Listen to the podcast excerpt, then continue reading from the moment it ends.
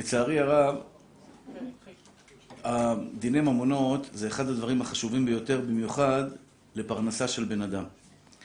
הרבה פעמים בן אדם לא כל כך נקי, נקי כפיים ובר לבב, לא כל כך, אתה יודע, נקי בדיני ממונות. כל התפילות שהוא מתפלל לקדוש ברוך הוא לפרנסה, הולכות לסתרה אחרא, הולכות למקום לא טוב. הגמרא במסכת נידה אומרת, אדם שרוצה שיהיה לו ברכה במעשה ידיו, הרבה כסף זה לא ברכה. היום קראתי כתבה שאנשים שזכו בלוטו, יש הרבה שזכו בלוטו, אין להם היום מה לאכול.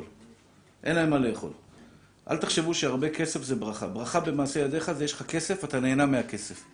יש אנשים, יש להם מיליונים בבנק, נוסעים עכשיו לארה"ב, הוא נוסע במחלקה הכי גרועה, מחלקת תיירים, במטוס הכי גרוע, בנסיעה הכי גרועה. חבר שלו, יש לו חצי ממה שיש לו, נוסע מחלקה ראשונה, הוא וכל המשפחה שלו, וברוך השם הוא נהנה מהחיים. זה שני בני אדם, זה יש לו כסף, אבל הוא מסכן, זה יש לו פחות כסף, אבל הוא עשיר. אדם שרוצה ברכה במעשה ידיו, חייב לדעת, אני לא, אסור שיהיה אצלי שקל שלא שלי. כלל ברזל. זה מאוד מאוד מאוד חשוב, אחים יקרים, ולצערי הרב אני רואה אנשים שמזלזלים. למשל, מתווך. סיפר לנו פה, יש לנו פה מתווך בשיעור, הוא לא נמצא כרגע, שבא אליו יהודי שקוראים לו רב. אני לא יודע אם זה נכון או לא נכון, אני לא יודע מי זה הרב הזה, לכן אני מרשה לעצמי לספר את זה, כי אני באמת לא יודע מי מדובר. ששאל אותו, יש לך דירה בשבילי? ההוא הלך, טרח, חיפש לו דירה, הביא לו דירה, מצא לו דירה. הבן אדם, דירה עכשיו, לקנות דירה, זה סכום, אחוז, שני אחוז מתוך מיליון, אחוז, זה... סתם אני אומר, דוגמה, כן, כדי שיהיה חשבון יותר קל. דירה מיליון זה עשר אלף, שתי אחוז זה עשרים אלף. עכשיו, דירה בדרך כלל עולה שתי מיליון, אז זה ארבעים אלף. זה סכום, זה חתיכת כסף כשאתה קונה דירה. אז פתאום הוא בא אליו ואומר לו, מה עם התיווך? מה עם הכסף? מה סיכמנו? תשלם לי את הכסף. הוא אומר לו, לא, אשתי שמעה ממישהו אחר, טללים, טללם, טללם, טללם. כל מיני תירוצים. זה אדם שהוא חושב שהוא יבוא אחרי 120, ויפתחו לו את השערים, ויגידו לו, שאו שערים ראשיכם, ויבוא מלך הכבוד. זה יקבל, יקבל כאלה זפטות ויחכו לו כאלה הפתעות. לצערי הרב. למה? הוא לא נקי כפיים. הוא גזלן, חס ושלום. הוא לוקח כסף שלא שלו. וזו נקודה הכי יקרים, תדעו לכם. אני, אני לא מדבר רק על העולם הבא, אני מדבר גם על העולם הזה. יש פה שילוב של שני דברים. בעולם הבא אין, אין, אין, אין, אין אה, תקנה לגזל. אין תקנה לגזל. גזלת, תחזור בגלגול. אדם מגיע אחרי 120, היה צדיק גמור, גמור, לא חטא, כלום. רק לא שילם במכולת את החוב שלו. מד"א הזמין מד"א ולא שילם את הזה שלו. כל מיני דברים, אתה יודע, מסכנים אנשים מתקשרים אליי ואומרים, אמא שלי הזמינה מד"א ולא, ולא שילמה את החוב שלה למד"א, האם היא חייבת לשלם מד"א, לא חייבת לשלם למד"א. כל מיני שאלות שחייב שיהיה לך רב שאתה מתייעץ איתו. אם יש לך רב, שאלת, דיין, חייב שיהיה רב דיין כמובן, כן? לכן אני אומר, הרבה פעמים בן אדם עכשיו הביא איזה חשמלאי. יש לו ויכוח איתו עם החשמלאי. אני צריך לשלם לו, לא צריך לשלם לו. והוא עושה דין לעצמו. הוא אומר, אה, לא צריך, לא נראה לי שצריך לשלם, מה פתאום, הוא לא עשה זה, הוא לא עשה זה. אוי ואבוי לך אם תפסוק לעצמך. לך לרב, הרב יפסוק לך, מה שהרב יפסוק לך תעשה. לעולם אל תפסוק לעצמך. בכל דין ודברים שיש לך. אני קיבלתי על עצמי בלי נדר, כל דבר שיש לי שאלה, אני מחמיר. בלי נדר. בן אדם יש לו טענה עליי, אומר, אני חייב לו כסף, כמה אני חייב לך? קח. סיפרתי לכם עשרות פעמים, הרבה פעמים. אנשים שהיו תורמים ליביע עומר, פתאום הוא בא אלינו, עושה את הכסף חזרה. היה בחור ישיבה, אברך, שתרם לנו מאה אלף שקל. בדיוק כשבנינו את יביע עומר, את הקרוונים, הייתי צריך כסף כמו אוויר לנשימה. בא אברך, תרם מאה אלף שקל. אמר לי, אמרתי לו, אני לא רוצה לקחת ממך את הכסף. ממש, במילים האלה. אמרתי לו, אני לא רוצה לקחת ממך את הכסף. למה אני לא רוצה לקחת ממך את הכסף? כי אתה אברך, מה אתה נותן לי מאה אלף שקל? הוא אומר לי, הרב, אני נותן את המאה אלף שקל. לא תיקח אתה, אני אתן למישהו אחר. אמרתי, אם ככה, תביא, מה, אני צריך את הכסף, אני צריך עכשיו לבנות. נתן את הכסף, אחרי זה, כנראה מסכן אשתו, המשפחה התחילו ללחוץ עליו, איפה הכסף, למה נתת, למה זה, למה זה. התקשר אליי יום אחד, אבא שלו, אומר לי, תשמע, איפה הכסף של ההלוואה שהבן שלי נתן לך? מה עם הכסף? אומר לו, מה? במילים האלה, ככה. הוא אומר לי, מה עם ההלוואה? אמרתי לו, מה אתה מדבר? איזה הלוואה? הוא תרם, הוא תרם, הוא תרם כסף לזה? לא, מה פתאום, נראה לך שהבן שלי יתרום, התחיל, הבנתי, בשיחה הראשונה. הבנתי, הבן אדם לא, הוא רוצה את הכסף חזרה, אני, אני חייב לתת לו את הכסף, על פי ההלכה אני לא חייב לתת לו את הכסף. אבל אני לא רוצה שאברך יישב כל היום בבית שלו ויקלל אותי. לא רוצה. לא רוצה מבחינת שמיים, דין שמיים, שיהיה מישהו בעולם שבאמת יישב ויגיד אני חייב לו כסף. אמרתי לו, תבוא אליי, תן לי יומיים להתארגן, לקחתי הלוואות, 100 אלף שקל, יומיים, קח 100 אלף שקל, קח את כל הכסף חזרה. אחרי שקניתי ובניתי את יביע עומר בכסף הזה.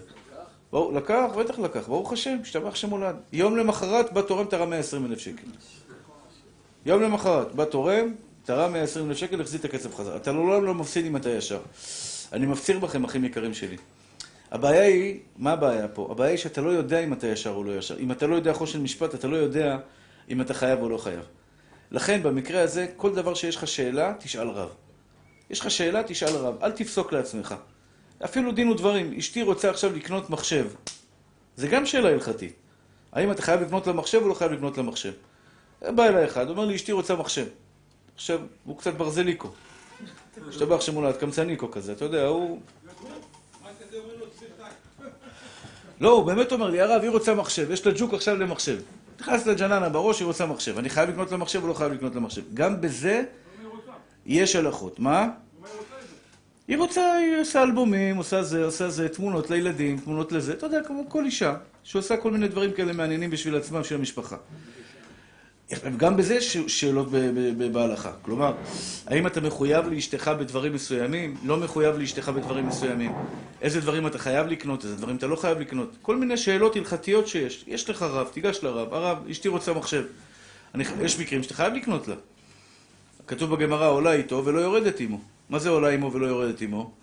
עולה עמו ולא יורדת עמו, הכוונה היא, אם אתה במשפחה שלך, כל הנשים יש להם מחשבים, כל הנשים יש להם מחשב, כלומר, כל אישה במשפחה יש לה מחשב פרטי שלה, אז אתה חייב לקנות גם לאשתך, למה שלאשתך לא יהיה? כל אחד במשפחה שלך, האחיות שלך, כולם יש להם מחשבים, למה שלאשתך לא יהיה? אתה חייב לה את זה. ואפילו אם במשפחה שלך אין את זה, במשפחה שלך זה לא, אין רגילות שיש להם את המחשבים. אבל הם, אה, אה, אה, במשפחה שלה היה רגילות שלכל בת יש מחשב. זאת אומרת, אחד מהמשפחות, אם יש רגילות לדבר מסוים, אתה חייב לתת לה את ההרגל שלה. כשאתה מתחתן עם אישה, אתה חייב לזון ולפרנס אותה כהרגלה, או הרגלה של המשפחה שלה, או הרגלה של המשפחה שלך. מי שיותר גבוה. עולה עמו ולא יורדת עמו. כלומר, היא עולה איתו ברמת חיים שלה, ולא יורדת איתו ברמת חיים שלה. מה? אם הוא אברך זה משהו אחר. היא ידעה שהתחתנה איתו, זה משהו אחר. אתה צודק, אתה מעיר הערה נכונה. לכן אני אומר, את כל ההלכות יהיה לכם קשה לזכור ולדעת. בשביל זה יעשה לך רב, יסתלק מהספק, תלך, תיגש לרב, תשאל אותו, הרב, מותר לי. לעשות את זה? אסור להשתמש בזה? לצערי הרב, לצערי הרב, יש הרבה דברים קטנטנים שאנשים לא שמים לב ועושים אותם, והשאלה אם זה מותר או אסור. למשל, מטעינים את הטלפון בבית הכנסת. דבר מאוד שכיח. נגמר לו הבטריה, מביא מטען, מטען בבית הכנסת את הטלפון. יש כאלה הגדילו לעשות, מטעינים את הבטריה של האופניים בבית הכנסת. שזה בטריה יותר חזקה, שזה יותר חשמל. האם מותר להטעין דבר, ולא שאלו רשות, האמת זה מקרה קל יותר. למה זה מקרה קל יותר? הטענת בבית הכנסת עכשיו את האופניים, שים עשרה שקלים בקופה. אם אתה רוצה להיות נקי. שים עשרה שקלים בקופה והכל בסדר. מה? או, עכשיו זו השאלה שאני רוצה, רוצה לדון. יש מקרה שהוא נדון מאוד מאוד מאוד מאוד שכיח. האם מותר להשתמש בדבר ללא רשות בעל הבית, בדבר שאני יודע במאה אחוז שהוא יסכים לי. הבנתם את השאלה? לא. הוא חסר. יש לך עכשיו, אה, הנה הוא נותן דוגמה קופסת סיגריות. זו לא דוגמה הכי טובה, אבל בסדר. לא, אנחנו לא בעד סיגריות, אבל אה, בסדר. לא ג'וינטים, מה פתאום? אה? לא ג'וינט, ג'וינטים זה זה. יש אנשים שמנסים לשכנע אותנו שג'וינטים זה טוב וזה. אל תעבוד עלינו, אחי. כוס מים. גם רפואי רפואי, זה משהו אחר, אבל לא, יש אנשים נהיים עצבניים מזה, אתה יודע, הוא נכנס לדיכאון. אני, כל מי שפגשתי עכשיו שהוא לוקח את הדברים האלה, את הירוק הזה, הוא עף למעלה, אבל אחרי זה מתרסק למטה. דיכאון, בלאגן, הרגשה לא טובה.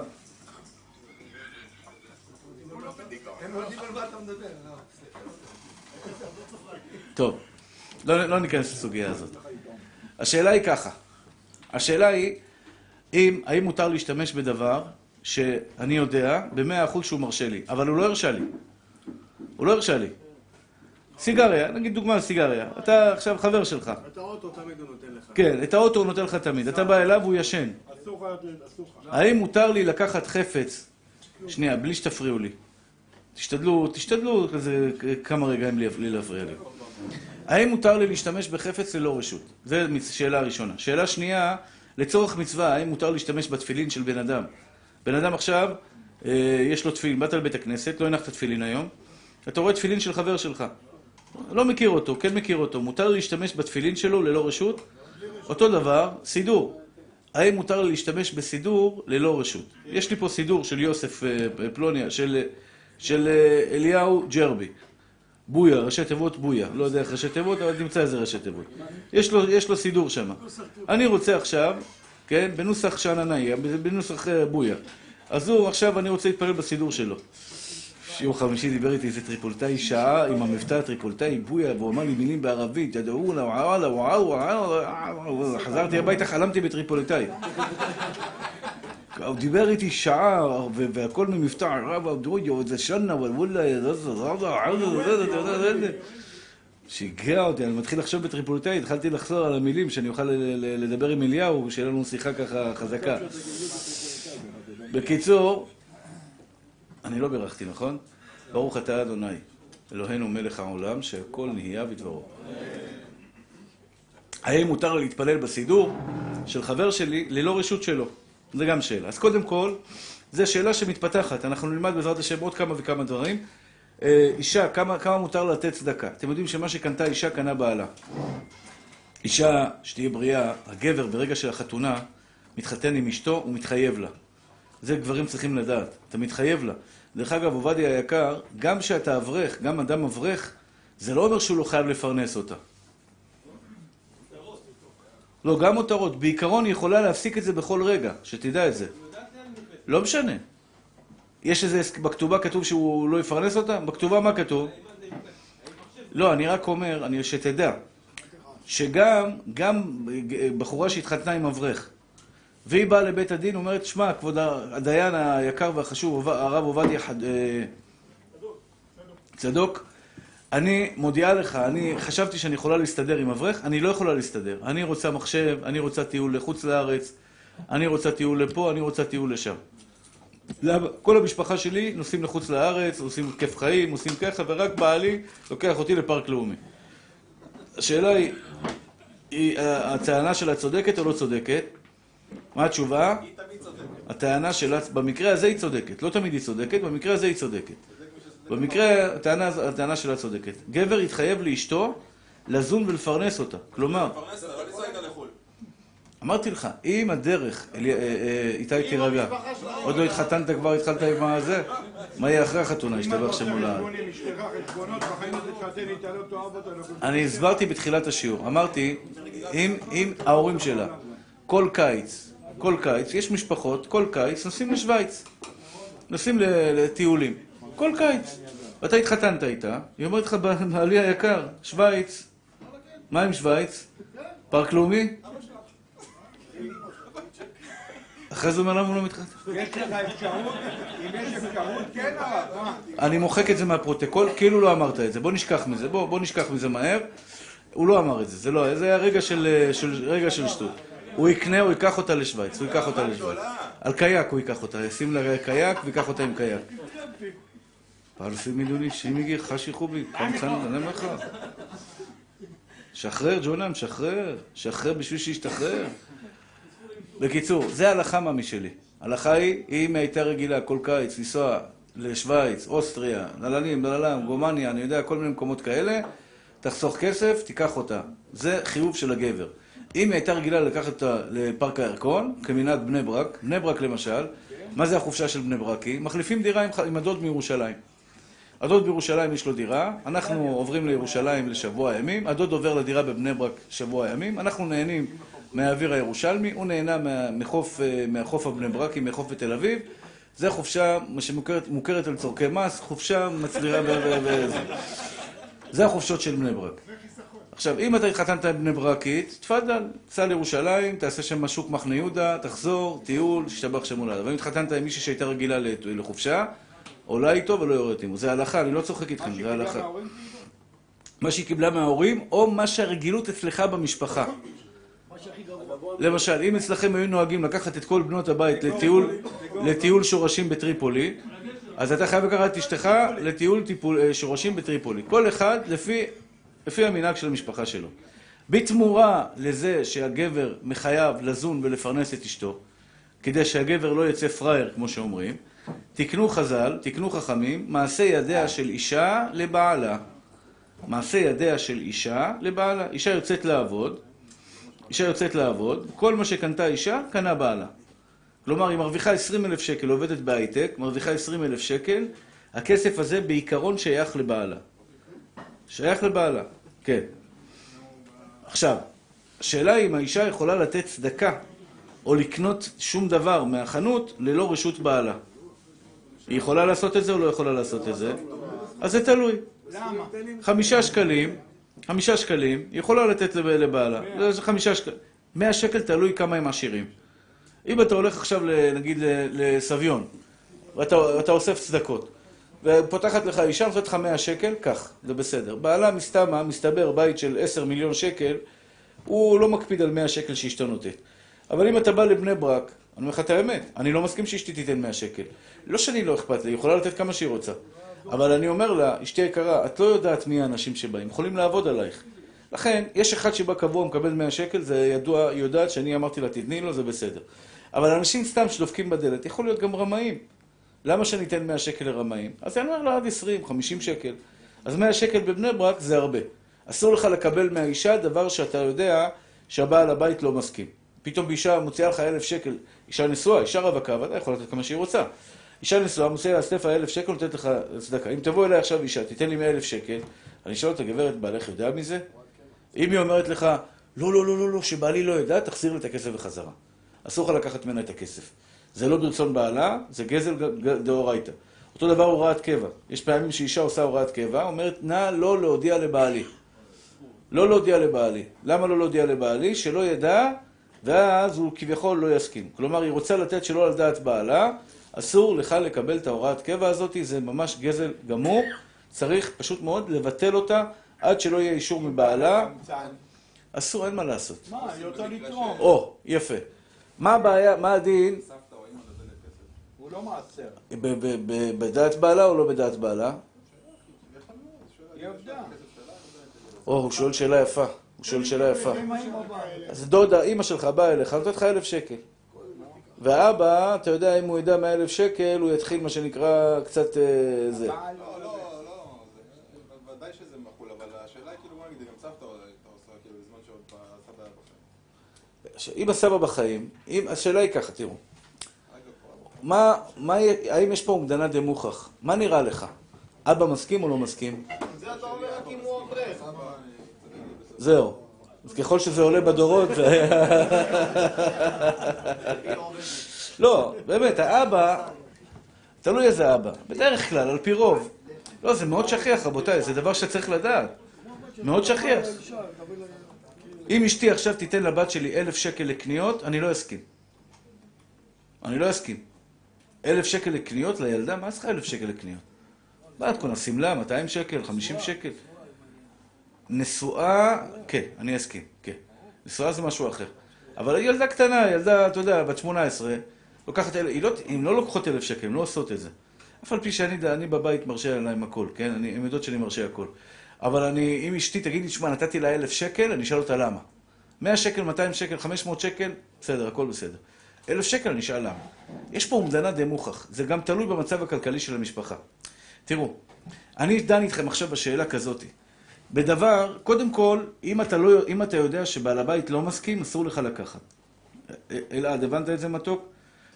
כלומר, אם אתה עכשיו באיזה מסע, למשל דוגמה, אישה באה אליך, רוצה לקנות, אה, נגיד אתה מוכר דוגמה, שולחנות וכיסאות.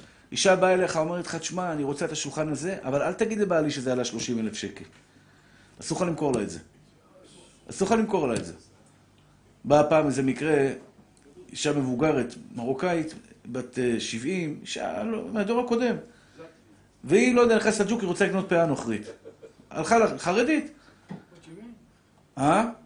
הלכה לקנות פאה נוכרית. הלכה לזה, קנתה פאה, יעני, מהדלוקס, מה- מהפאות היפ- היפהפיות האלה. בא הביתה, בעלה תפס קריזה, השתבח שמו לעד, לא יבוא, גופתי המתה, לא לה לה, לה לה לה, לה לה, לה לה, פתח עליה, השתבח שמו לעד, עד כדי ספק פיקוח נפש. והיא שואלת אותי, כבוד הרב, אני יכולה להחזיר את הפאה לחנות? הפאה לא מסכימה. למה? היא סידרה לה את הפאה לפי הפנתווי פנים שלה. אבל אה, היא טוענת, שמע, בעלי לא הסכים לי. אז כשקניתי את הפאה, זה כביכול היה גזל. כל חנות עכשיו תגיד לאישה, תביא לי אישור מבעלך? או, כל הכבוד. זה השאלה. מה, היא באה לסופר, הקופאית תגיד לה, תביא אבל לי אם הוא אישור יודע את ההלכה מבעלך? והוא יראה אז מה הגבול? תגיד לי אתה מה הגבול. לא יודע להגיד לי, כולה טעם הטוב. מי אני שאני אקבע מה הטעם הטוב? אני לא מכיר אותה. נגיד ואתה, נגיד ואתה יודע פחות או יותר, אמרתי לך.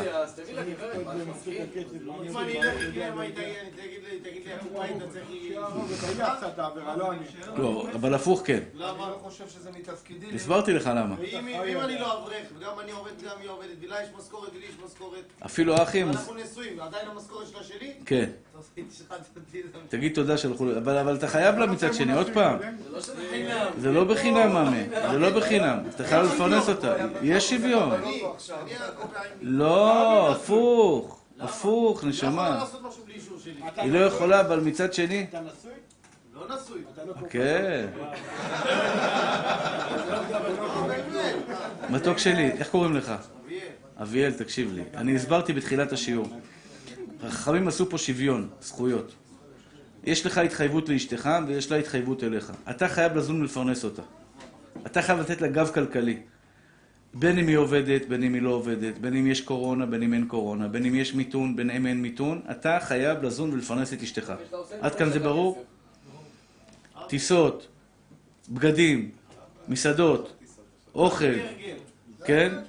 חייב, מי שרגיל, למשל, יש עדות שהטיסות שלהם, מקסימום זה היה עפיפונים, לוקחים אותם לפארק עם עפיפונים, זה הטיסות היחידות שהם מכירים. אז הם לא צריכים לקחת לטיסות. סבא שלי לא לקח את סבתא שלי לטיסות. אתה מבין? אבא שלי לא לקח את אמא שלי לטיסות. אה, זה היה דור של, אה, אתה יודע, איפה זה טיסות? מקסימום באמת זה היה לפינוק, זה היה טיילת בתל אביב, כשאני הייתי ילד, טיילת בתל אביב עם גלידה, עם אה, גלידה שמה... כשהם עלו לארץ הוא הביא אותה בטיסה. כן, זו הייתה הטיסה היחידה. הוא לקח אותה מאיראן לפה, הוא נתן לה מטוס והביא אותה במטוס, ובזה בזה הסתיים הרומן שלהם עם מטוסים. אני, אני מדבר... רגע, שנייה, אני רק אסיים איתו. אתה, כשתתחתן, תקשיב, אביאל, אתה חייב לזון ולפרנס את אשתך. אז זה לא חד צדדי, זה דו צדדי, אתה מבין מה שאני אומר? אין בעיה שאני מפרנס, אבל אם אתה אומר, אמרת שאם אני אברך, והיא המפרנסת, נו, הכסף שלה הוא שלי. ואם היא רוצה ללכת לקנות פאה, במחיר ככה וככה, היא צריכה לשאול אותי. נכון. כי אתה חייב לפרנס אותה, ממי. גם בתור אברך אתה חייב לפרנס אותה. לא משנה, זה במקרה, היא, מחלה על כבודה. אברך זה, אברך שלא עובד ואשתו עובדת, זה חייב להיות בהסכמת האישה. זה כאילו שהאישה באה ואומרת, שמע, בעלי היקר, אני אוהבת את התורה הקדושה, אני אוהבת את התורה הקדושה, אני מוכנה, לך תלמד, אני אביא פרנסה. הבנת? טוב, יש מצב שאישה למשל, דוגמה, התקשרה אל האישה שבעלה חולה במחלה. עושה לה, סליחה, היא חולה במחלה. אבל היא פעילה. היא מורה בבית ספר, והיא מקבלת גם קצבת ביטוח לאומי, גם מורה. ברוך השם, יש לה כסף. אבל בעלה קמצן בצורה מטורפת. הוא לא מרשה לה לקנות כלום. היא אומרת, הרב, אני רוצה לתרום ליביע עומר. אני לא יכולה, אבל היא לא מרשה לי. אין לו ברכה. הבנתם?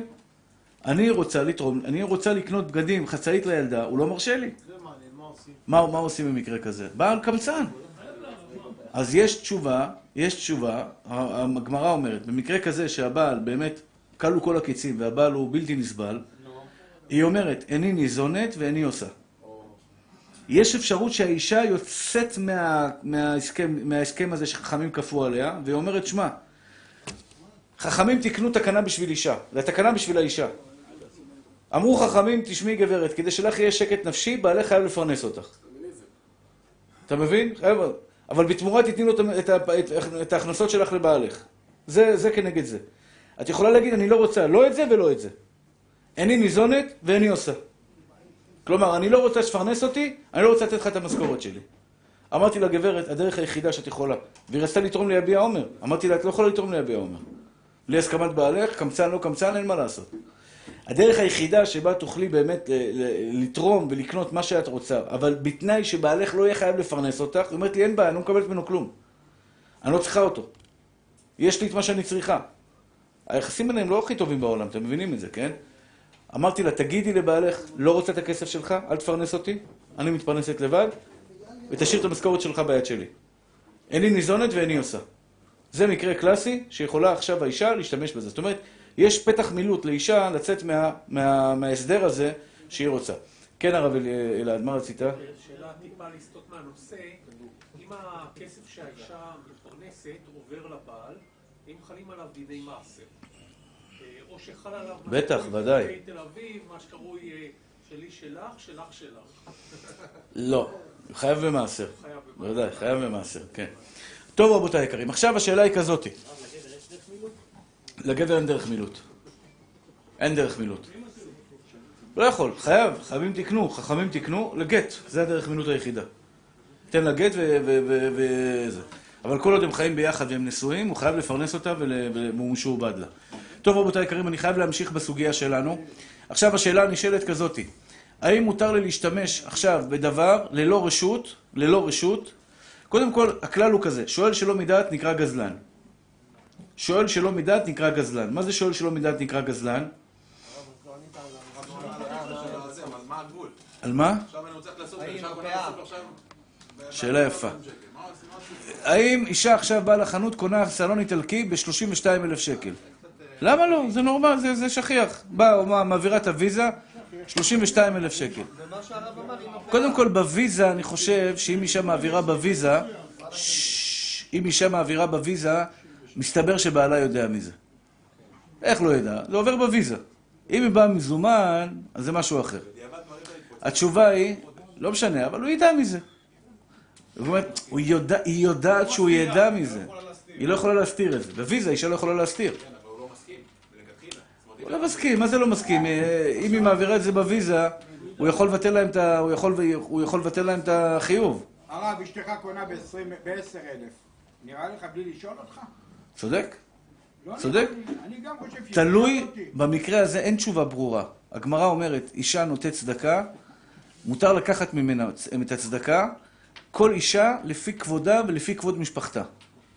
הבנת? אמרתי לך, יש אישה בסביון, באמת סיפור אמיתי, שהיא באה ותורמת כל חודש בין 1,500 ל-2,000 שקל. בסביון. היא עורכת דין, הוא עורך דין, מאוד מאוד, מאוד אה, מה- מהתותחים, אתה מבין? ופעם ראשונה. שהיא באה לקבל ממני ברכה ושומעת שיעורים, מתחזקת ברוך השם. אמרתי לה, סליחה על השאלה גברת, אבל 1,500, זה, זה לא סכום פשוט, 1,500, 2,000 שקל בחודש, זה די, סכום די רציני. בעלך יודע מזה? היא אמרה לי במקום, יש לנו הפרדת חשבונות. יש לנו הפרדת חשבונות, הוא יש לו את החשבון שלו, אני, הוא יודע, הוא יודע שאני מעשרת מהכסף שלי, הוא לא מתערב לי בכסף, הוא מרוויח 200-300 אלף שקל בחודש, אשתו מרוויחה 20-30 אלף, זה, זה פיסטוקים בשבילו, זה פיצוחים בשבילו, אתה מבין? אז זה אתה יכול לקחת. הכל תלוי בסוג המשפחה. בא לך אישה מצפון תל אביב, רמת אביב ג', קונה עכשיו אה, רכב, ואתה צריך לשאול אותה אם בעלך יודע? ודאי שבעלה יודע. זה פשוט. אבל אם בא לך אישה קשת יום, קונה פאה ב-16,000 שקל, ב-17,000 שקל, פה אתה צריך לשאול, שמע, אולי היא עובדת על בעלה. אולי היא עובדת על בעלה. אז יש פה בעיה. אני לא נכנס לפרטיות. אני, אני אסור לי לשתף פעולה עם גנבים. אתה מבין? אסור לי לשתף פעולה עם גנבים. אם אישה גונבת מבעלה, אותו דבר אם בעל גונב מאשתו. בעל גונב מאשתו, זה גם יכול להיות, זה לשני הצדדים. אישה גונבת מבעלה ובעל גונב מאשתו. אני, אסור לי לשתף איתם פעולה ולקחת מאחד מהם ולמכור לאחד מהם דבר שאני יודע שהיא גונבת את בעלה.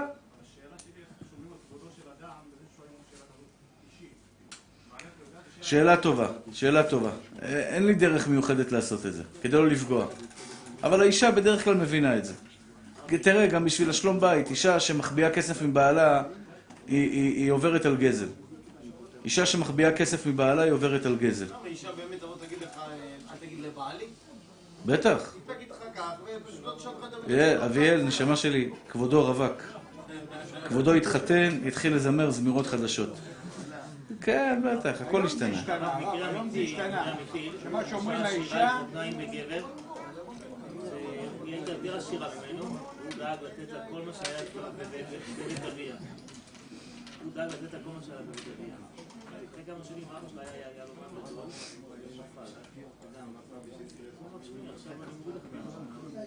הוא הוא מחזיר אותה לבית אביה, לא. עולה איתו ולא יורדת עמו.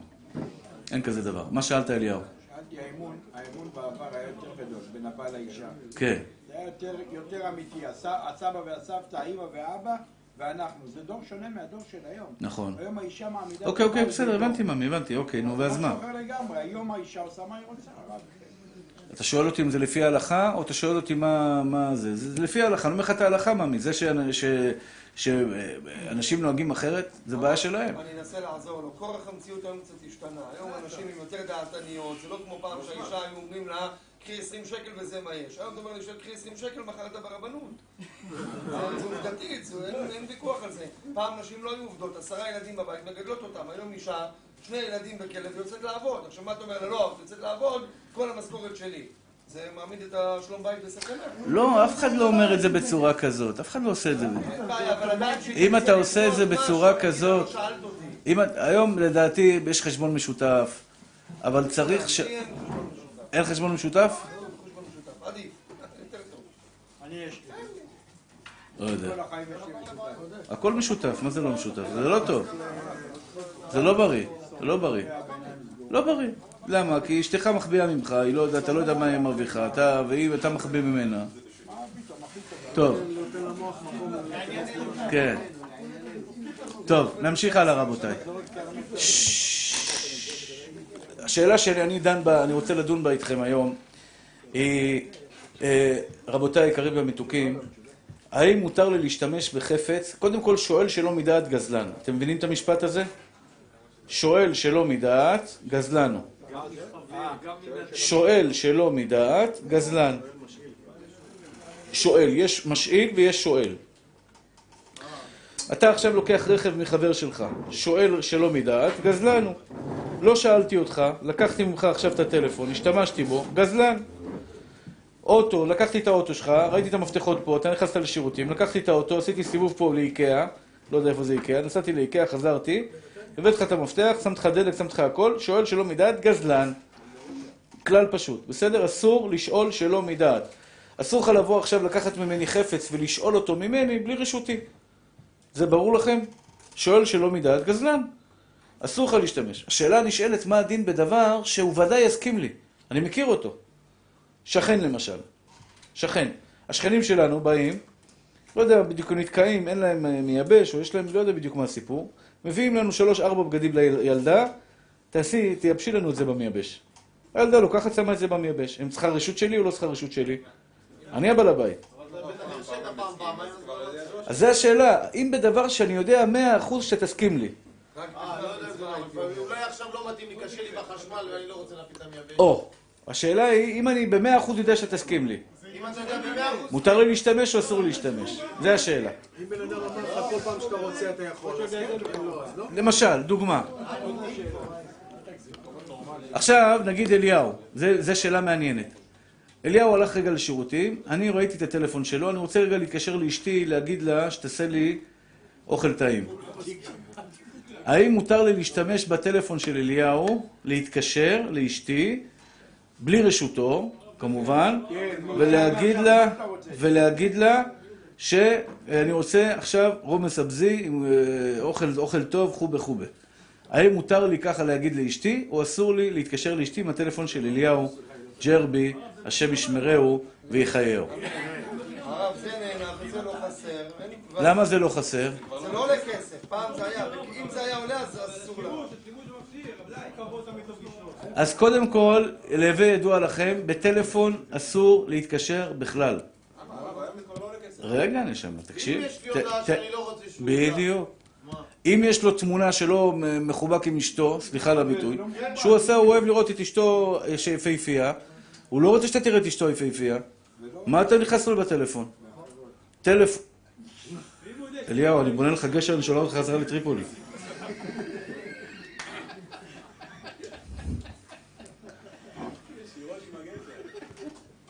אני חוזר עוד פעם. יש דברים, לא משנה, מה זה משנה? דברים צנועים של בין גבר לאשתו, הוא לא רוצה שתראה לי את הטלפון. היום טלפון של בן אדם, הייתי באיזה מקום, הם התחילו לריב מכות. התחילו לריב מכות. ההוא לקח לו את הטלפון בלי רשות, ישבו שני חברים ביחד בכנרת, הוא לקח לו את הטלפון, או לא יודע, עשה מוזיקה, רצה לשים מוזיקה, עשה מוזיקה, שם זה, זה, זה, זה, זה. ההוא אומר לו, מה, לקחת לי את הטלפון? כל החיים שלי בטלפון הזה, מי הרשה לך? וכיסאות ובלאגן, ומלחמה, ממש צעקות, בלאגן. מזה למדתי, טלפון, אפילו שלא עולה כסף, אף, חוץ מטלפון כשר, אולי טלפון כשר, כזה, טלפון כזה, אין בו כלום. אחד אמר לי מהחרדים, אומר לי, כן, אבל יש לי פה תכתובות, אני כותב לעצמי תכתובות. תגיד לי, אתה משועמם, זה טלפון שאתה כותב תכתובת ומגיע המשיח. כותב, "אה, שלום, אה, תכתובות, מי כותב פה תכתובות?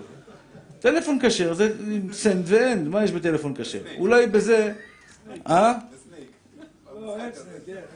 איזה snake, איזה snake. אה, אה, אז טלפון כשר, טלפון כשר, האם מותר להשתמש בטלפון כשר? אז יש בזה מחלוקת בפוסקים. דעת התוספות, אותו דבר למשל, אני בא אליך הביתה ערן, אני יושב אצלך בבית, אתה אמרת לי, תחכה לי, אני כבר מגיע. אני רואה תפוח עסיסי אדום, או, השתבח שמו לעד, פינק ליידי. האם מותר לי לאכול ולברך ברוך אתה השם אלוקינו, לזכות אותך בשתי ברכות? אחד בורא פרי העץ ואחד בורא נפשות, ברכה אחרונה, ולברך לך... לא אמרת לי כלום. לא אמרת לי כלום. אבל ברור לי כשמש בצהריים, שאם אני אשאל אותך, ערן, מרשה לי לאכול את הפינק ליידי? היית אומר לי מה? ודאי. אליהו, אני רואה, נמצא אצל אליהו, אני רואה קוסקוס אוורירי, אתה יודע, טריפולי כזה, משהו טעים, משתבח שמו לעד, עם אה, מרק עוף טעים כזה, השתבח והתעלה שמו לעד. ואני ח, ח, ח, חפצה נפשי ב- ב- בכמה כפות של קוסקוס. אליהו לא לידי. אני נמצא אצלו לבד בבית. האם מותר לי לקחת כמה כפות, או אסור לי לאכול כמה כפות? כשאני יודע בוודאי, בוודאי, במאה אחוז. יש מראית עין בנושאים האלה, לא? לא, אין מראית עין, מה, מי רואה אותי עכשיו אוכל? אני יודע במאה אחוז שאליהו מרשה לי לאכול מהקוסקוס, רק לא שאלתי אותו. הוא לא יודע שאני עכשיו רוצה לאכול לו מהקוסקוס.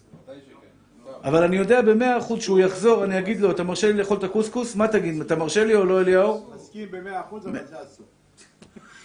אז אליהו הוא אחד מגדולי הדור, הוא מכריע, מה, מותר? בבקשה. הוא מכריע בסכינה חריפה, אבל בוא נראה, בוא נראה, הוא מכריע, הראשונים חולקים עליו, אבל בסדר.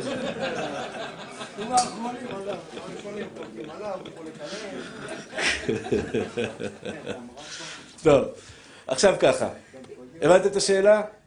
אתה, זה לא אותה שאלה, אבל פועל יוצא מהשאלה הזאת, האם מותר לי להשתמש עכשיו אה, טלית, אני בא לבית הכנסת, עושה לו ברכת כהנים.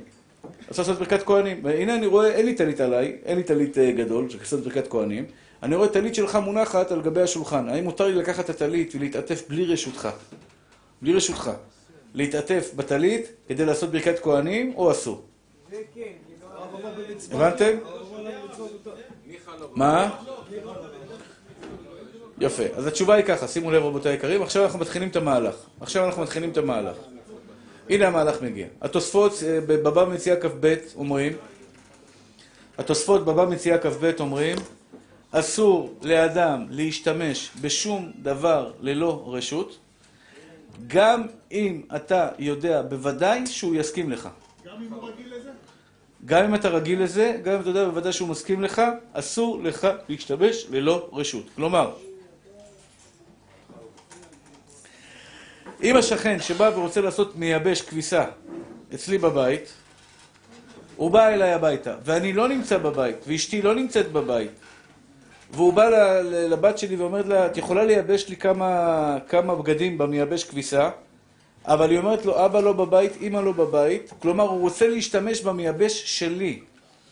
ללא רשותי ולא הסכמתי, אפילו שאני מאה אחוז יסכים, כי עשיתי את זה עשרות פעמים, הבנות שלי לא שואלות אותי בכלל, הן עושות את זה לבד, הן יודעות שאבא מרשה.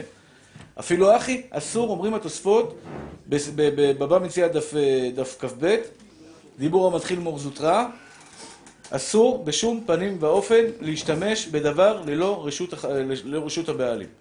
כך כותבים התוספות, כך כותב המרדכי, וכך כותב הגאות אשרי. שאסור להשתמש בשום דבר בעולם ללא רשות מפורשת. אפילו אם אני יודע במאת האחוזים שמותר, שאתה מרשה לי, כגון שאני החבר הכי טוב שלך, או אני הרב שלך, ערן לא היה מרשה לי לאכול, אם הייתי שואל אותך אלעד, הוא לומד אצלי בשיעור, מה נראה לך, הוא ירשה לי לאכול את התפוח או לא ירשה לי לאכול את התפוח? בוודאי שירשה. אז אה, לכאורה 100% 100% שהוא ירשה לי, אומרים התוספות, כיוון שהוא לא ירשה לך באופן מעשי, רק בתיאוריה אתה חושב שהוא היה מרשה לך, אסור לך להשתמש בזה. עד כאן ברור? יופי. לא, רגע, רגע, רגע, רגע. אבל התוספות, אני מתחילת המהלך. התוספות ככה אומרים. כך כתב המרדכי, כך כתב גם כן הגאות אשרי. כן צדיק. מה המרחק אבל שאני צריך אה, אישור, כאילו, שהם צריכים לבקש ממני? גם אמא שלי עכשיו תצטרך משהו מהמאמן שאצלי בבית, אני לא גר איתה כבר. גם היא תצטרך אישור? כאילו, מה המרחק של האנשים ש... זו התשובה, בהמשך המהלך, אני מדבר את התשובה. כן, תבין את התשובה. לא, הוא לא מופיע במהלך. כן, כבר, אנחנו נגיע לזה. כן, הבנתי אותך. התשובה תהיה בהמשך. אה, יש חולקים על התוספות, השח מביא את זה, שח זה שפתי כהן. שח חי לפני בערך של- 300, 350 שנה. הוא כותב, מביא את דברי התוספות שאסור להשתמש, ואומר, נראה לי לחלוק עליהם. לולא דמסתפינה, זה לשון התוספות, לולא דמסתפינה, כלומר, אם לא שהייתי מפחד, הייתי חולק עליהם ואומר שזה מותר. למה? מה הבעיה? הוא מרשה לי, מה אתה רוצה? מאה אחוז שהוא מרשה לי, כמו שאמר אה, עובדיה. הבן שלך בא אליך הביתה. הנשוי, לא, לא הרווק, הנשוי, נכנס הביתה, נכ... הולך לסיר, מה יש לאכול? או מסבזים, מוזג צלחת, הוא אוכל, מרביץ, השתבח שמולד. הלו, אבא הרשה לך, אמא הרשתה לך? אה? נכון, הם מרשים לך, מרשים לך, בוודאי שהם מרשים לך.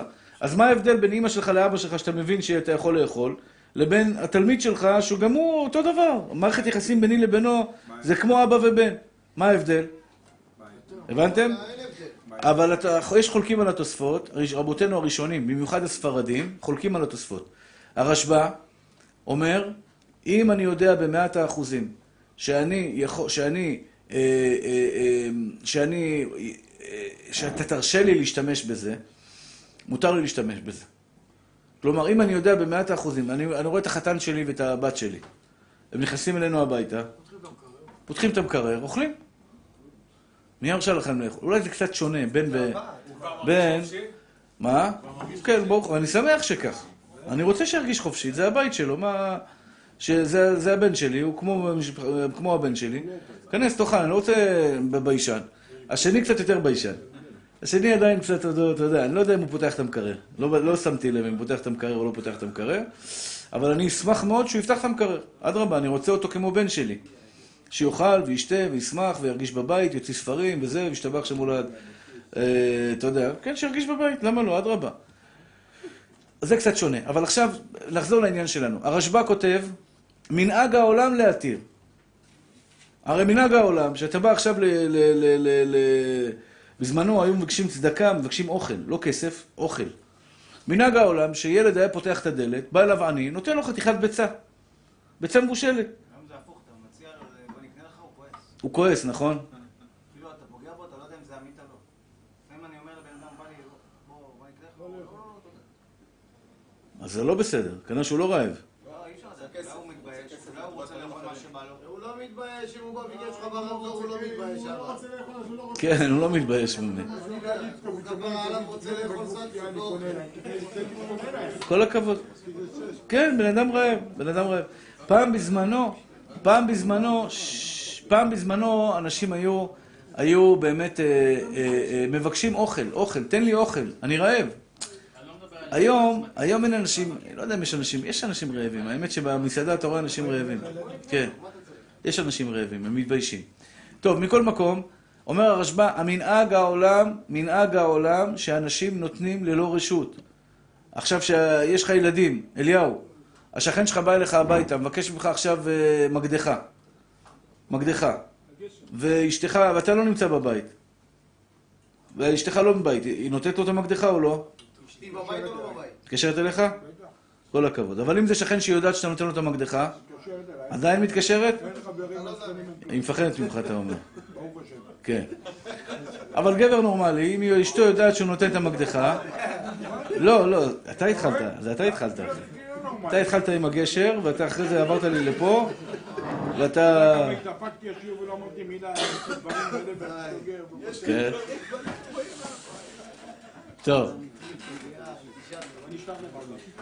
טוב, בקיצור, עם מה?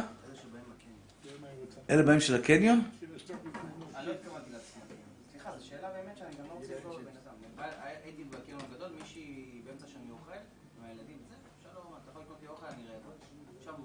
כן. מצד אחד לדבר על זה על אוכל, מצד שני, מה, אתה צריך להביא לה כסף? ללכת איתה? לחשוב. יש לך שתי אפשרויות. או לתת לה כסף, או להגיד לה בבקשה, לכי תקני, אני אשלם. תגיד לה, זה, תן לה מה שהיא רוצה, אני אשלם לך. מצווה גדולה, אדרבה. מצווה גדולה לתת לאכול- אוכל לאנשים, מצווה גדולה. אחים יקרים ואהובים שלי, הרשב"א חולק על התוספות. יש לנו תוספות, יש לנו שלושה ראשונים שסוברים שזה אסור. עכשיו בואו בוא נספור את הראשונים שאומרים שזה מותר. הרשב"א אומר שזה מותר, הרצב"א אומר שזה מותר, המאירי אומר שזה מותר, הר"ן אומר שזה מותר. יש לנו פה ארבעה ראשונים שאומרים מפורש שזה מותר. מותר לתת בלי אישור, בלי... בלי אישור. כלומר, אם אני יודע, אבל בתנאי שאתה במאה אחוז אתה יודע שהבן אדם היה מוכן לתת לך במאה אחוז. כמו תלמיד שלך, חבר שלך, או יש דברים למשל, שמרן כותב אותם מפורש בשולחן ערוך. נתקע לך איזה בשר בין השיניים, אתה עובר ליד, ליד איזה... אתה רוצה קיסם. יש לך עכשיו גדר חיה כזאת, אתה רוצה לשבור חתיכת עץ קטנטנה, צ'יק, כדי להשתמש בה בתור קיסם. מותר או אסור? מותר, מה, זה מוגזם. אפשר חתיכה קטנה, אחי? תיתן לי רגע, מציק לי פה שם. מותר, צודק. צודק. במקרה הזה זה מותר. זה מפורש בשולחן ערוך. זה יותר קל מהמקרה הקודם. במקרה הקודם, כולם לא מרשים, אבל הוא מרשה לי. תפוח. כולם מרשים לאכול תפוח? אם אני אני רואה עכשיו תפוח, מותר לי לקחת מהירקן תפוח ולאכול? זה גנב בן גנב, כל המשפחה שלו גנבים. הייתי פעם בזה, התביישתי. התביישתי ממש עד כלות נשמתי. לא בסופר, היה אה, מטעמים לשבת. מוכרים אוכל לשבת. אוכל לשבת, באמת משובח באר מחפוד, אוכל כיד המלך. שם בזה, אתה רואה אנשים, יואו, איזה בושה. אין להם טיפת בושה. קציצות בשר, קבבים. הוא בולס, הוא בולס, הוא מוזג לו אחד ואוכל אחד. הוא מוזג אחד ואוכל אחד. כן. איזה בושה, איזה כלימה, איזה חרפה. הרבה גם בסופר, בפתוח. גם בסופר, בוודאי, בוודאי, פיצוחים, אתה רואה בא בן אדם, מתחיל לאכול קשיו, אוכל קשיו, יש את הביוקר הזה, את האגוז האקדמיה, האקדמיה הכי יקר, אתה מבין, הוא מרביץ אקדמיה, הוא מרביץ, בסוף קונה 100 גרם אה, גרעינים שחורים ויוצא החוצה. אני אומר לו, איך אכלת אקדמיה אם אתה קונה 100 100 גרם? זה גנב. זה יחזור בתור פיסוק חלבי בגלגולו יחזור. שלא יברכו עליו. אתה... באמת, אתה יודע מה זה? זה, זה... בן אדם שלוקח בלי... מותר לטעום? אם אתה לוקח. נכון, יש מקרים שמותר לטעום. כן אתה מותר לך לטעום דבר, למשל... לא אני בדיוק, אם אתה לא קונה. או, שואל שאלה טובה. הוא קונה ענבים, זה אם אני קונה, ואם טעמתי ואני לא אוהב את זה? לא לא משנה, בסדר, אבל... לא, הוא מדבר על מקרה ש... הוא מתכוון לקנות. מתכוון לקנות. טוב, מה המסקנה של ההלכה? מה המסקנה של ההלכה? קודם כל, רבותיי היקרים והמתוקים, אני מבקש מכם, אל זה חילול השם. אם יש לך כיפה על הראש, אתה מחלל שם שמיים. חילול שם שמיים, אני אומר לך, התביישתי. איזה, סליחה, אני לא יודע, לא רוצה לקטרג על עם ישראל, איזה עזות של, אה, אתה יודע, בן אדם בולע קציצות בשר, קבבים כאלה. כל קבב כזה עולה איזה 20 שקל. כל קבב כזה, זה חתיכת, זה בשר בית יוסף. זה לא, זה לא זול, אתה מבין? והוא אוכל ואוכל ואוכל, הוא מוזג, הוא קונה. אבל הוא, מי, מי הרשה לך לטעום את זה? וואלה, אני אקח מזה משהו, אתה יודע, אני הייתי בסופר פראם, עשיתי לי ככה בבושם להריח, אבל הלכתי אותו על הצוואר. פעם הבאה אני לא אריח אותו ככה, אני אתן כוח. כל הכבוד. זה גם בעיה. זה גם בעיה. ככה. יש כאלה הולכים כל יום, אחד אמר לי שהוא לא היה, הוא לא היה קונה בושם, הוא כל יום היה לו סופר פארם לידו, היה יורד למטה, לא, חד פעמי עשיתי, כן? אבל... לא, אני לא זה באמת, אני כן. יכול את הבושם הזה ואני אצא למדוד ככה. למה אתה הולך לסופר ונעשים בושם? בוא'נה. לא, אני בא במכוון שאני יודע שאני קונה את הבושם. טוב, נמשיך הלאה רבותיי. אז יש לנו ארבעה ראשונים שמתירים, יש לנו אה, תש"ח שמתיר, יש לנו אה, קצות החושן שמתיר, ועוד כמה אחרונים שמתירים, הלכה למעשה, הלכה למעשה, יש ראיה מהרמב"ם וממרן שהם מתירים. הרמב"ם כותב ככה, שימו לב את הדוגמה שהרמב"ם כותב. למי יש חנות פה? יש פה מישהו עם חנות? מסעדה, נכון? מסעדה, יש לו מסעדה. איך קוראים לך צדיק? גיא? הנה, גיא שלנו יש לו מסעדה. אומר הרמב"ם, אני נכנסתי למסעדה של גיא, למסעדה שלו, לקחתי, יש לו מסעדה בשרית, נכון? בשרים, על האש, על הכיף כיפה. בקדימה, לא? כפר יונה. אה, שם זה בויה, זה... כן.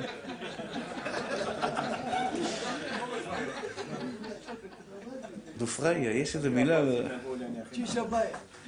בקיצור, אז בא עכשיו, נכנס אחד למסעדה של גיא, לקח פרגית, שיפוד פרגית, וקידש אישה, ואומר לה, הרי את מקודשת בשיפוד זה כדת משה וישראל. זה לקח מגיא. אומר הרמב"ם, אינה מקודשת. לקחת בלי רשות, גנב בן גנב, כל המשפחה שלו גנבים. איך, איך, איך אתה יכול לקדש אישה בשיפוט שהוא לא שלך? כך כותב הרמב"ם.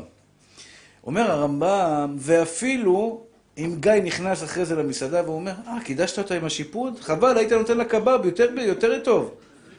כאילו, גילה דעתו שהוא שמח בזה שקידשת בעזרת השיפוט את האישה הזאת, אפילו אחי אינה מקודשת.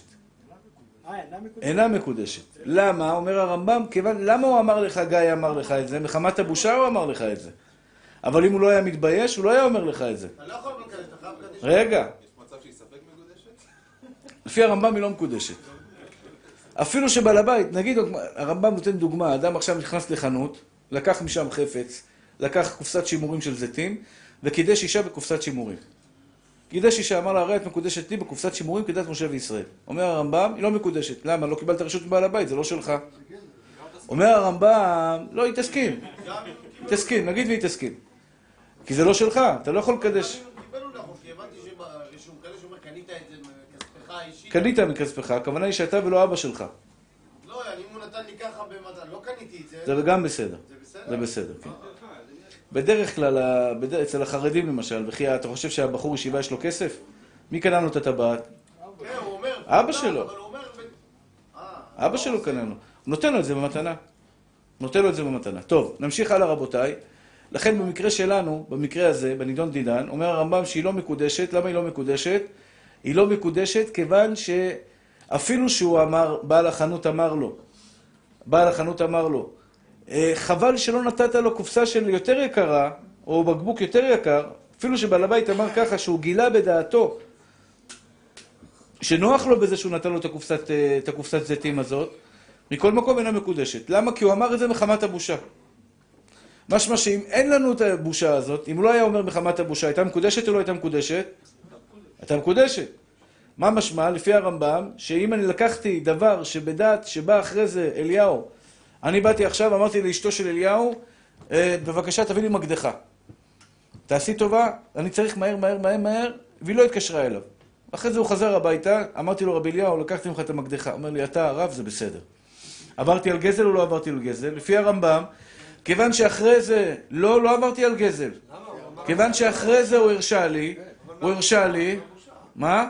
לא לרב הוא יגיד מהבושה? זה. מה, אליהו היה נותן לי את הזה, הוא נתן לי את המקדחה בחינם. היום, היום הנה ליד כולם, כל מה שאתה רוצה שקשור. בסדר. ככה פותרים אה, זה, טוב.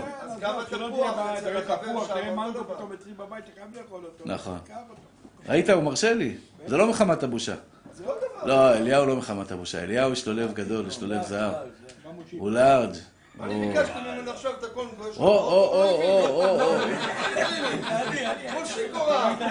באוטו? קונגו. אני יש לי כלים באוטו? הוא לא עובד.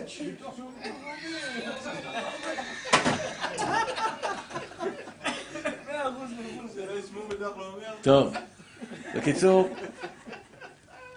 אה, נמשיך הלאה. איך הלכה למעשה? רבותיי היקרים, נגיע הלכה למעשה.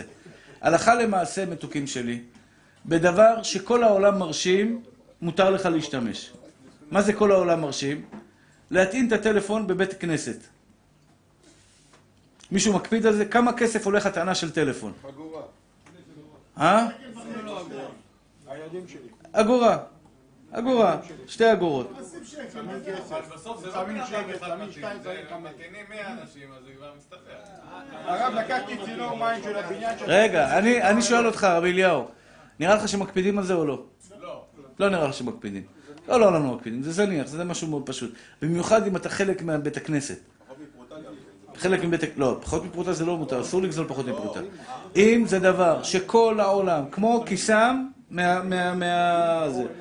זה שאלה מעניינת בסמים, האם מותר לקחת בסמים מגינה של אה, זה. יש הרבה צדיקים. רגע, רגע, ממי, רגע. לקטוף. להריח ודאי מותר. להריח מותר. לקטוף כדי לקחת להבדלה. יש אצלנו בשכונה כמה, כמה אנשים נחמדים. אצלנו יש שכנה, אה, שכן תימני, עליו השלום נפטר. והוא שתל אצלנו ב- ב- ב- ב- ב- בזה, ריחן תימני. כל פעם בא אחד, צ'יק, כותף לוקח, צ'יק, כותף לוקח. מותר או אסור? הוא הלך לעולמו, עשה את זה על דעת, זה שיקטפו. אתה רואה הרבה פעמים הדסים, הדסים שותים. שתל את זה? בתוך ה... לא, בתוך הגינה של ה... בתוך הגינה של הבניין. מה זה של כל הבניין? ברור שזה של כל הבניין. השאלה היא, מישהו מבחוץ בא עכשיו לקחת, לקטוף את זה לבשילה בסמים. האם זה מותר או אסור? אתה מבין? זו השאלה. אם זה בציבור, אני אגיד לכם, בזה אין לי תשובה ברורה, בזה אין לי תשובה ברורה, כי יש הרבה אנשים שיהיו בריאים, הם קוטפים לך את ההדסים והורסים לך את העץ. אתה מבין? יש אנשים שחותכים בצורה לא עדינה. אז אני לא יכול להגיד לך בוודאות שהבן אדם לא מקפיד על זה. אני לא יכול להגיד לך מאה אחוז שהבן אדם לא מקפיד על זה. יש מקרים, אני יכול להגיד לך, שהבן אדם יש לו עץ גדול של הדסים, מה אכפת לך שנקטוף הדס אחד? זה מפריע לך? זה מחסיר לך משהו? לא מחסיר לך כלום, אתה מזכה אותו. אבל, אבל יש מקרים שאנשים משתבח שמולד באים עם מסורים, חותכים לך שם, אתה יודע, הורסים לך את העץ. תלשו מהשורש. אתה- נענה. תלשו מהשורש, אתה מבין? זה, זה בעיה, זה בעיה. לכן, זה דבר שלא ברור. אבל דבר שברור שכולם מסכימים, מותר ליהנות ממנו ולהשתמש בו, אפילו שלא שאלתי רשות. אבל זה חייב להיות דבר ברור לכל. תפילין. אומרת הגמרא, ניחא ללאיניש דלעבד מצווה בממונה. ניחא ללאיניש דלעבד מצווה בממונה. נוח לו לאדם שישום מצווה בממון שלו. לא, ברור, אין לי בעיה, אבל לפני שאתה אתה יודע, לא, אני אישית לא, אבל יש אנשים שהם סטרילים, נגיד, אני לא יכול שבן אדם שם עליו, לא, לא... אתה יכול, אתה יכול. אני אישית אין לי בעיה. אז גמרנו. אז מי יש לו בעיה? יש כאלה... תביא אותם אליי, אני אדבר איתם. לא. בינתיים, בינתיים אתה מרשה? כן. עיניים. יופי, הכל בסדר. אני לא אוהב בתפילין, אין לי בעיה עם הטלית, בתפילין אני לא אוהב. מותר, אפילו אחי מותר. לא.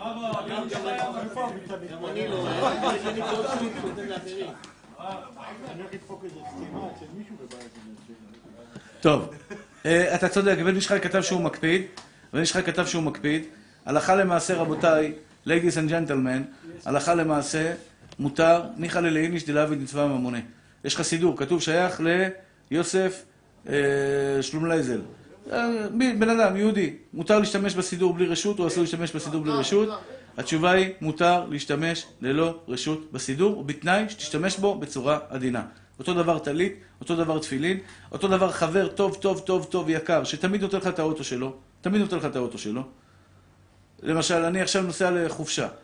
אה, איזה יהודי יקר שיש לו בית, בית באיזה מקום, שהוא נותן לך את הבית. נותן לך את הבית. עכשיו, אומר לך הכל שם חופשי. מותר לי אה, להטעין את הטלפון שם? לא שאלתי אותו אם מותר להטעין את הטלפון. ודאי שמותר. אם הוא נותן לך את הבית, הוא אומר לך להדליק מזגן, טלפון לא נותן לך להטעין, אתה מבין? באוטו, מפתחות של האוטו, זה אני לא בטוח, אני אבקש ממנו רשות, הוא הרשה לי. יש לו אוטו עם מפתחות בבית. אסור לו לנסוע עם האוטו, אסור לנסוע עם האוטו שלו. צריך לבקש רשות. לא בטוח. אוטו, לא כל אחד מסכים שיקחו לו. אוטו, לא כל אחד מסכים שיקחו לו. יש אחד אומר לך, תשמע, אחי, אחד עשה לי השוואה בין אשתו לאוטו. אמר לי, זה, אשתי לא, באוטו לא. את חוץ מהאוטו. ממש, אמר לי ככה. לא, לא יודע, לא יודע מה היה. אמר לי, יש שני דברים בחיים לא נותנים, לא אישה ולא אוטו. זה עשה השוואה ככה, אני לא, חס ושלום, אני לא מסכים איתו. אה? שלוש, מה היה השלישי? בית, בית.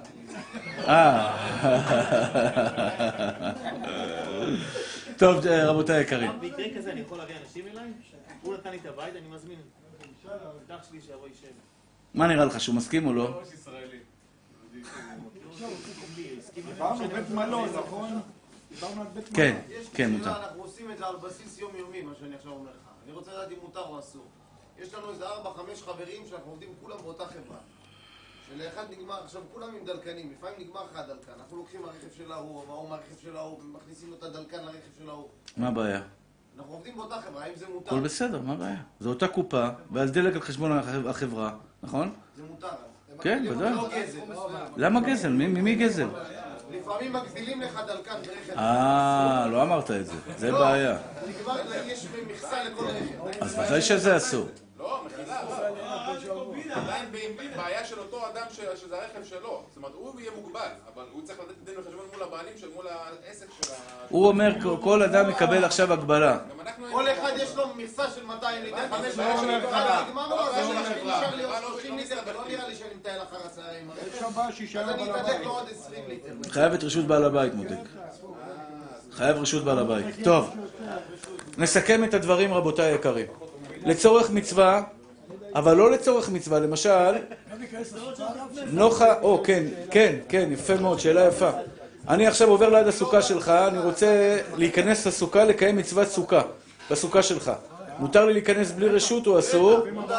למה? כי זה מצווה. כל הכבוד. נוח לו לאדם שיעשו מצווה בממונו. אבל אני אמרתי, אנחנו חזקה עליך שנוח לך. אתה יהודי? אתה יהודי? יהודי נוח לו. אין חיה כזאת. הבנת? חזקה על יהודי שנוח לו. אין יהודי בעולם שלא נוח לו. הייתי פעם בקריית שמונה. הייתי רעב, רציתי לאכול לחם. לא היה לי סוכה. אז הייתי יוצר אנשים ברחוב ואומר להם, תגיד, יש פה איזה סוכה שאני יכול להיכנס? יא עיוני, והרבה מרוקאים משם, אתה יודע, מכניסי אורחים כאלה צדיקים. בוא כנס, יא עיוני, בוא תאכל אצלנו, בוא, הזמינו אותי איזה עשרה אנשים שפגשתי בדרך, אמרו לי, ולא הייתי מפורסם, הייתי בן אדם אברך רגיל. בוא, הכניסו אותי הכנסת אורחים, בוא תאכל. כל יהודי רוצה לקיים מצוות. אין יהודי בעולם שלא רוצה לקיים מצוות. טוב, אז לגבי מצוות מותר, אבל אסור לך לאכול דבר ולגמור לו את הדבר ולהגיד, שמע, אני מזכה אותו במצווה. למשל, אתה עכשיו בא לבית המדרש, רואה פה פיצה. רואה פה פיצה, כן? אתה רוצה לזכות את הבן אדם בעל הפיצה בחמש ברכות. בשש ברכות, סליחה. ברכת על נטילת ידיים, ברכת המוצי וברכת המזון, שזה ארבע ברכות. אז אתה אומר, נוח לו לבעל הפיצה שאני אוכל לו את הפיצה כדי שאני אברך ברכת המזון בשביל לעילוי נשמתו או להצלחתו. באין פיצה. למה? רצה הקדוש ברוך הוא לזכות את ישראל. רציתי לזכות אותו במצווה של ברכת המזון. אומרים את זה או לא אומרים את זה? אבל אני עכשיו אמרתי לכם שנוח לו לאדם שיעשו מצווה בממונו. בתנאי שזה... לא. שהוא לא גומר לו את החפץ. אם אתה גומר לו את החפץ על ידי המצווה, כשאתה גומר לו את החפץ על ידי המצווה, בזה אני לא אומר נוח לו לאיש יעשה, כי אז אני אפתח את המקרר, אני אתחיל להרביץ שם, השתבח שמו לעד, אני אגיד לך, אני מזכה אותך בעוד מצווה, ועוד מצווה, ועוד כזית, ועוד זה, ועוד, אה, ועוד חסד.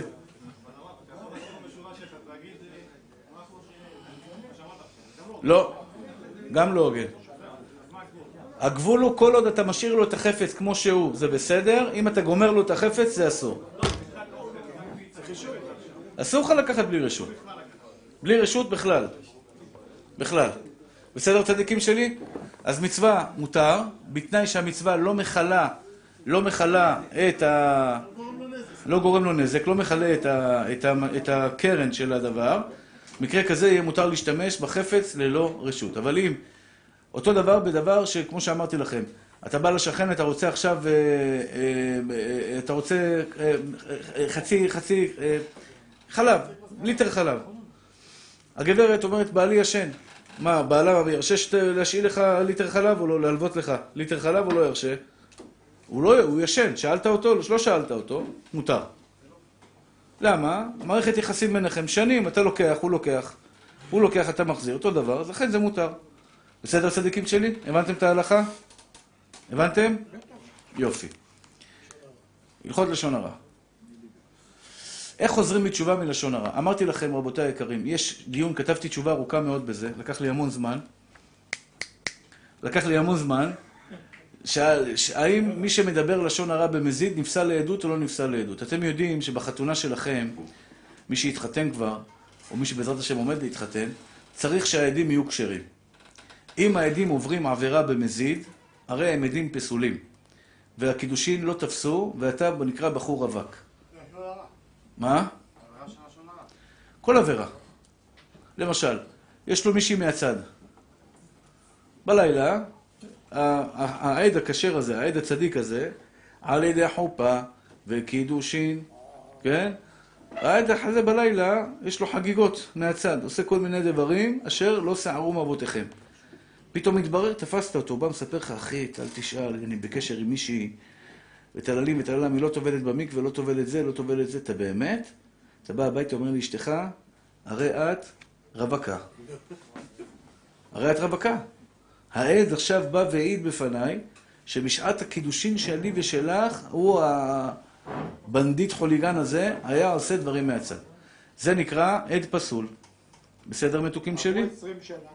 קשה אבל הרב. עברו 20 שנה וגילית שאותו רב שהיה עד שלך, חטא כל החיים שלו. גם כשהוא היה... כש... כש... כן, 20 שנה הוא חוטא ואף אחד לא יודע, הוא והקדוש ברוך הוא. לא. לא נשואה. לא? היא לא נשואה. מה קשור לרב שלי? מה אתה אומר? היא לא נשואה. מה? במז- ב- באונס. למה לא להגיד אבל הרב שמא עשה תשובה? לא אומרים את זה. לא אומרים שמי עשה תשובה. יש- שתי עדים, שתי עדים. אה, לא שלוש? שתיים. שתי עדים שיהיו... לא לא. לא... אתה לא שומר שבת? לא, לא שמרתי שבת, אבל אני... לא שמרתי, היום אתה שומר. השבת הזאת שמרתי שבת. עוד? שבת אביאל, שעברה שמרתי, צמתי בשעיה. כל הכבוד, בורח ממי. לא, לא, לא, אתה לא בורח. מעכשיו אתה צדיק גמור. השם. שבת מלא, אחי. אחי נשמה. השם. כל הכבוד. ככה אני אוהב אותך. אתה בחור חכם.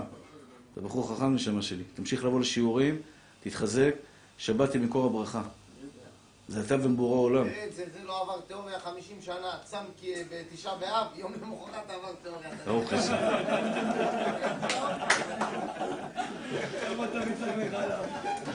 טוב.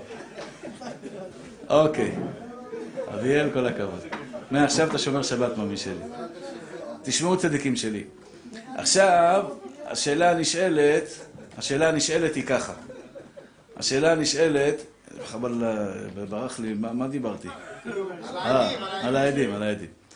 זה, זה, אני לא צוחק איתכם בכלל. אם מבקשים מכם להיות עדים, ואתם יודעים שחס ושלום יש משהו לא בסדר שאתם עושים, למשל אדם שמגלח בסכין, בתער, שט, מגלח בסכין, פסול לעדות. אתה לא יכול להיות עד. אדם נוגע בנשים, יש לו חברה והיא לא טובלת במקווה, אסור, אתה פסול מלהיות עד, אחי. מדינת ישראל לא נשואים. אני לא מדבר ככה. מה? מה ששמעת. מה אתה אומר? בטח. חייבת. למה? אומרים דווקא... אה, גם שמעתי, אביאל, אני גם שמעתי. שמעת שמועה לא נכונה, בובלה שלי. אז גם רווקה צריכה לטבול? בוודאי. כמה זמן? אחרי השיעור אני אסביר לך. אה, אה, הבנתי, אה, בסדר. הבנתי. יופי. תשמעו צדיקים שלי. אני לא אמרתי טובלת במקווה, אמרתי צריכה לטבול במקווה. יש הבדל. אני אסביר לך אחרי השיעור, אני אסביר לך אחרי השיעור, אני לא יכול כרגע בשידור. איך חוזרים בתשובה מתוקים שלי? היום כל אישה, אני, אני אתן, אני אתן אסביר. כתוב בתורה הקדושה, ואלישע, ואלישע בנידת דבותה לא תקרב לגלות ערוותה, אני השם. אני חוזר. כתוב בגמרא, בתורה הקדושה, ואל אישה בנידת דבותה לא תקרב לגלות ערוותה, אני השם.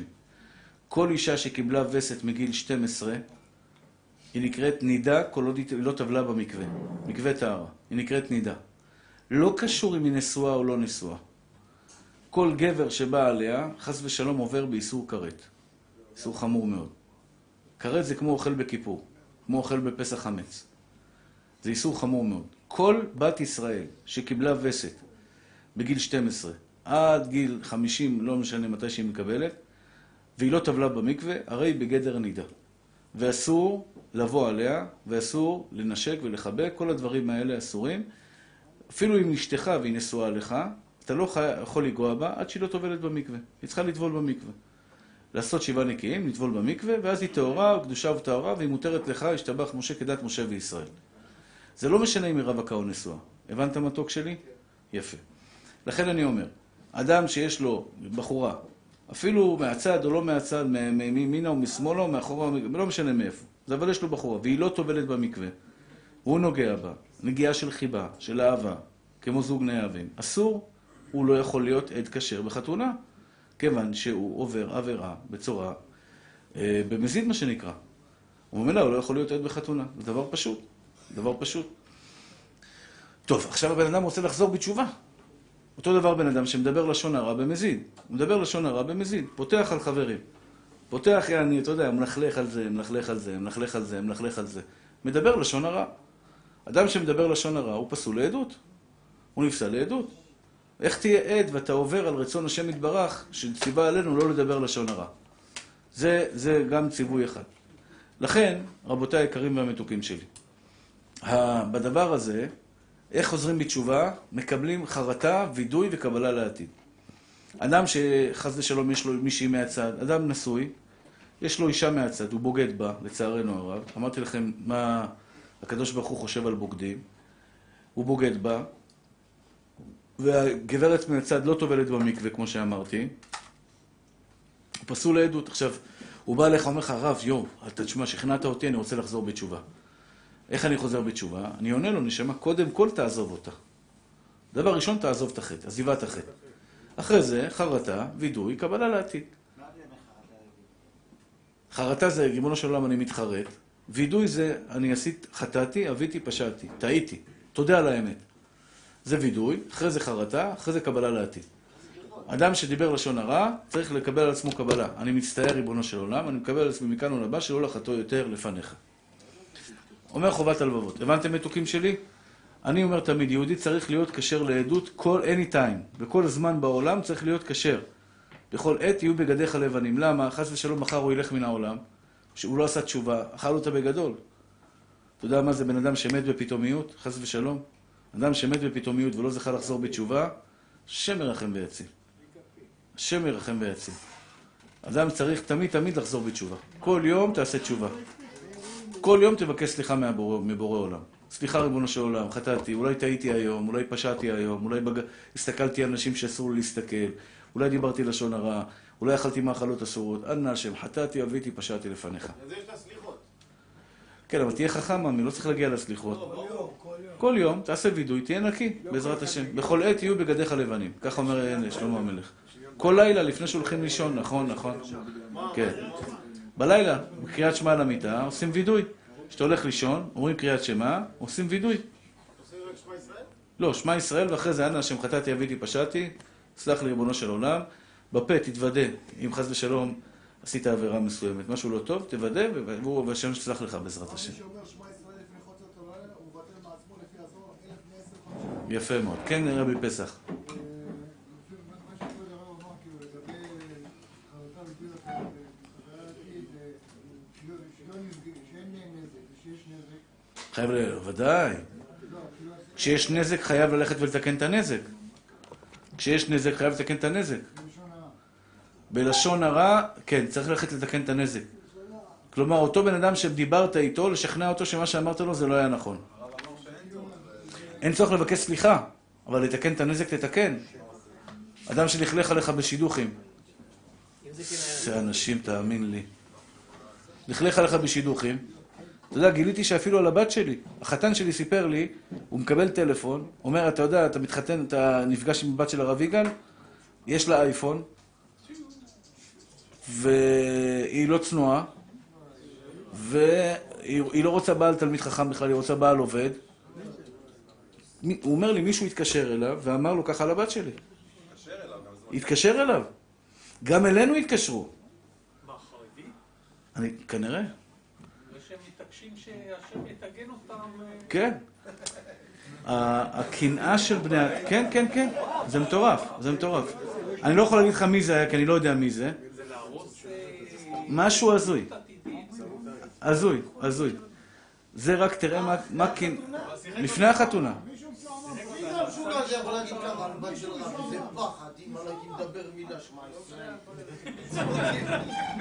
ובאמת היא ילדה טובה. אם היא הייתה בעייתית, הייתי אומר, אני לא מתבייש. בחיים שלה לא היה לה טלפון לא כשר, בחיים לא התלבשה בחוסר צניעות, בחיים שלה לא הייתה בחוץ, לא, לא דיברה עם גבר, בחיים שלה. היא רצתה בן תורה, רצתה תלמיד חכם. שטויות, הוא, הוא עכשיו נשוי לה, הוא יודע מה מדובר. אבל, אבל, אה, אבל יש אנשים, הקנאה, גם, גם אלינו התקשרו עליו. הוא לא הולך כמו הרב עובדיה, אתם רציתם כמו הרב עובדיה, הוא לא כמו הרב עובדיה, והוא לא ככה, והוא לא ככה, והוא לא ככה, והוא לא ככה.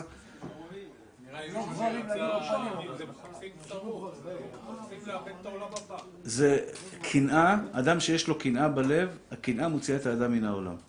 מטורף, כן. זה רק להזהיר אותנו, רבותיי היקרים, כמה אנחנו צריכים להתרחק מהקנאה. כי מי שיש לו קנאה בלב, יש לך הסבר, בת ישראל, היא לא דיברה עם גבר בחיים שלה, היא לא יודעת כלום בחיים שלה, ילדת באמת טהורה. נקייה, ברוך השם, לא שום דבר. מתקשרים, היא ככה והיא ככה והיא ככה והיא ככה והיא ככה. משהו הזוי. מי שעשה את זה, מי שעשה את זה, הוא לא חייב לבקש סליחה מהבת שלי.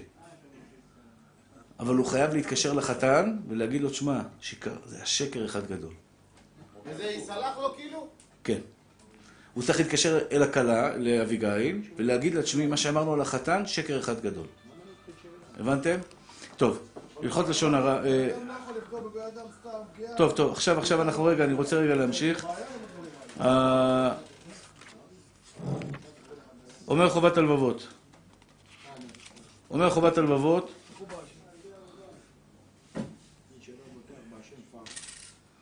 יש אפשרות שהשם מרפא את האדם אפילו על ידי דבר המזיק.